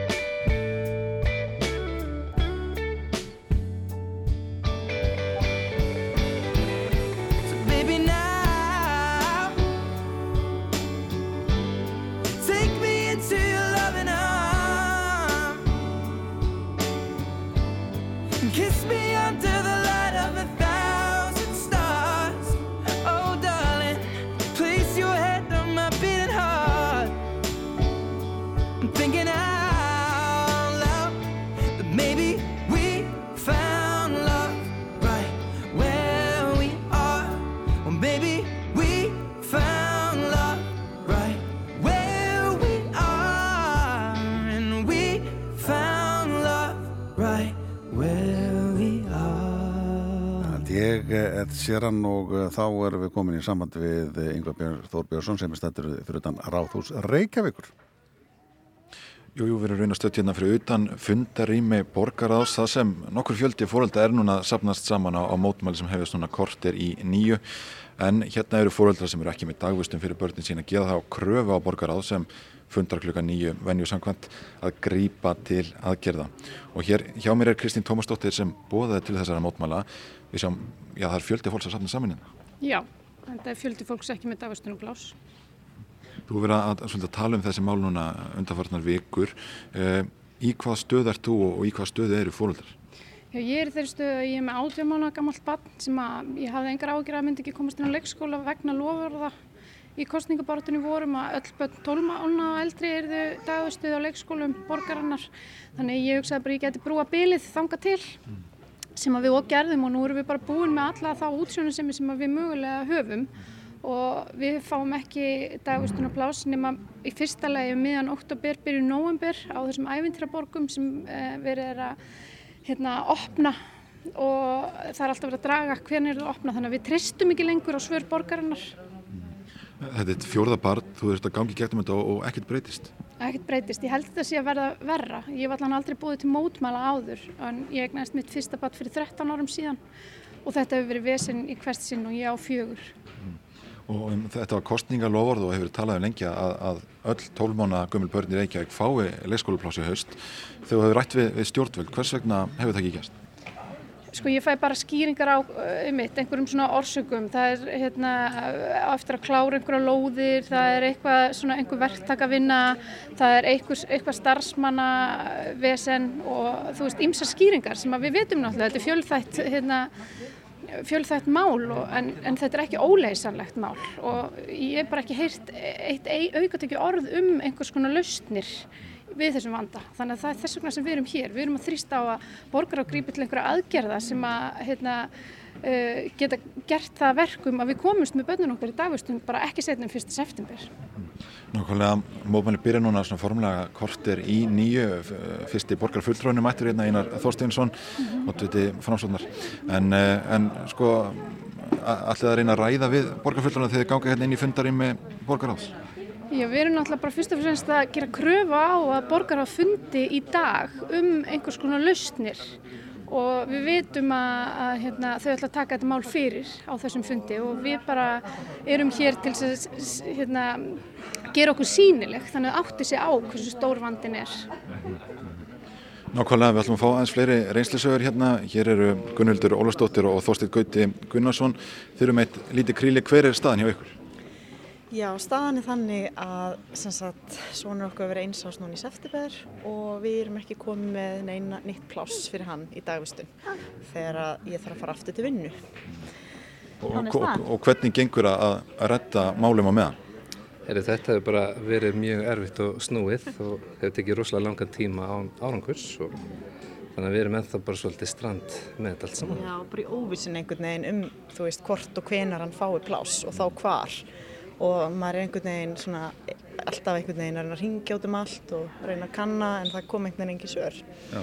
þannig að við erum bara já, í óvissinni Þegar mættum hérna áðan þá eru fóröldar svona sína milli að tala um bara sína reynsla því að þurfa að brúa bilið mm. Þið sögðu okkur frá því að þið eru í hlýðunum en Nei, við erum í þið eru í Vesturbænum Já, segir já, en, en þurfa að leita náttúrulega miklu viðar eftir, eftir plássi. Mm Já, einmitt, við erum búin að ringja í öll hverfi eh, dagfóreldra í öllum hverfum engaregna leikskóla og það er bara hvergi pláss og bygglistar allstaðar og einhvern veginn enginn getur lofa neinu því að það veldur alltaf ákveðnar pláss losna í leikskólum og það veit enginn hvernig það er. Þannig já, þannig að við erum bara ringjandi hérna út um allt Er örvæntingin mikil? Já, það er máli að segja það. Já. Ég meina allir óbreytti þá sjáum við bara fram að mjög mikið tekið tap líka og Já, sjáum fyrir okkur það Nákvæmlega, herri við ætlum að freista þess að ræða hérna við, við Einar Þorstinsson að bjóða okkur upp á. Já, góðan dag. Hér er spurt um, spurt um lausnir Já, já, lausnir. Við erum hér í, að hefja fund borgarás og uh, við uh, á þessum fundi eru fjölmörg mál um, en uh, varðandi þessi leikskólamál þá eru við að, hef ég óskað eftir því að, að Sveiðstjóri skóla og frístundarás komið á fundin og útskýri hvers vegna áallirinnar sem gerðar voru á síðasta kjörtíðanbili uh, hafi ekki staðist.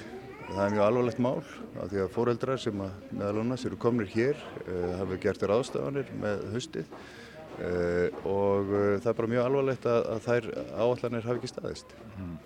Þannig að það er, það er verið að safna saman upplýsingum um uh, svona, þannig að fólk fái heildar yfir sínum umfang vandans og ég hef óskað eftir því, en ég líka óskað eftir tillögum til þess að leysa úr þessum bráðavanda.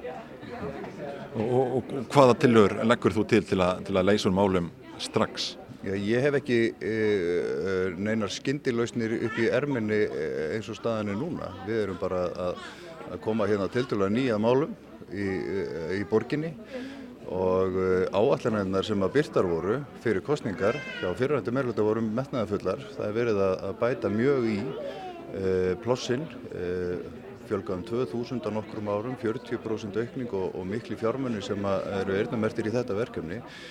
Þannig að e, e, sko, ég held að menn þurfu bara að vera daldið hörug og leita allra lausna þó það séu hugsanlega óhefbunnar. E, ég hef óskað eftir tillögum um það e, og frá skóla og frístundasviði og vonandi byrtist það e, von bráðar. Mistókst fyrri meiri hluta að gangi verkin í hvað þessi mál varar? Ég ætla ekkert að, að hafa neitt sérstaklega, uh, sérstaklega skoðun á því. Ég hef bara ekki upplýsingar um það. Hvers vegna þetta eru margar framkvæmdir. Uh, það eru komið þarna upp einhver miklu vandræði í sumum skólum. Eru að, að loka þeim að hluta eða öllu leiti og svo hafa ævintýraborgirnar verið, uh, framgangur þeirra áallana hefur verið alls konar afhendingar, dráttur og ýmislegt og ég kann ekki þessi skýringar nákvæmlega en, en nú er bara staðan þessi og, og við ætlum að gera allt sem við getum til þess að, að, að greiða fyrir lausn þessara mála. Einar Þorstinsson, takk fyrir. Jú, Rúnar, eh, við þurfum að fara að kveða hérna úr, úr, úr ráðursinu. Já. Eh, hér er fjöldi fólks samankominn og, og já, það fjölkar sífældi í hópnum, það er ótt að segja það. Já, og, og ljósta að já, örvendingin er, er mikil og, og skiljanlega. Já, og eins og einan kom inn á þá er kannski engar, engar skindilöfnir til í þessu en það þarf að samt sem að vera þarf eitthvað að, að gera. Og er fólk vongott um að, að geta þrýsta það með svona mótmannum? Já, allavega sko þau sem við höfum, þau sem við höfum rætt við hér eh, eru kannski ekkit endilega einhvað, einhvað vongóðum, einhverjar lausnir í, í bráð. Eh, en við náttúrulega höldum áfram að fylgjast með þessu og það verður nánað fjallaðan þessi mótmæli vantala í, í allan dag. Já, nákvæmlega. En einhver, það komið að leiðalokum hjá okkur í dag. Búin að vera hérna í róttinu frá 6.50 og heyrstu allir í fyrirmálega á saman tíma. Við þakkum bara fyrir okkur, eða ekki? Þú sendið hverði úr ráðursunu? Ég sendi hverði úr ráðursunu. Við verum hérna aftur á morgun og það má nálgast allt okkar efni á, á rú.is, jarðvarma virkanir á, á Índlandi og og fleira. Já, nákvæmlega. Takk fyrir uh, þetta og uh, ég heldur bara að uh, hverjum með Alanis Morissette, You Ought to Know, lokalæði fyrir nýju frettir og síðan er það morguverkin með Þorði Helga. I want you to know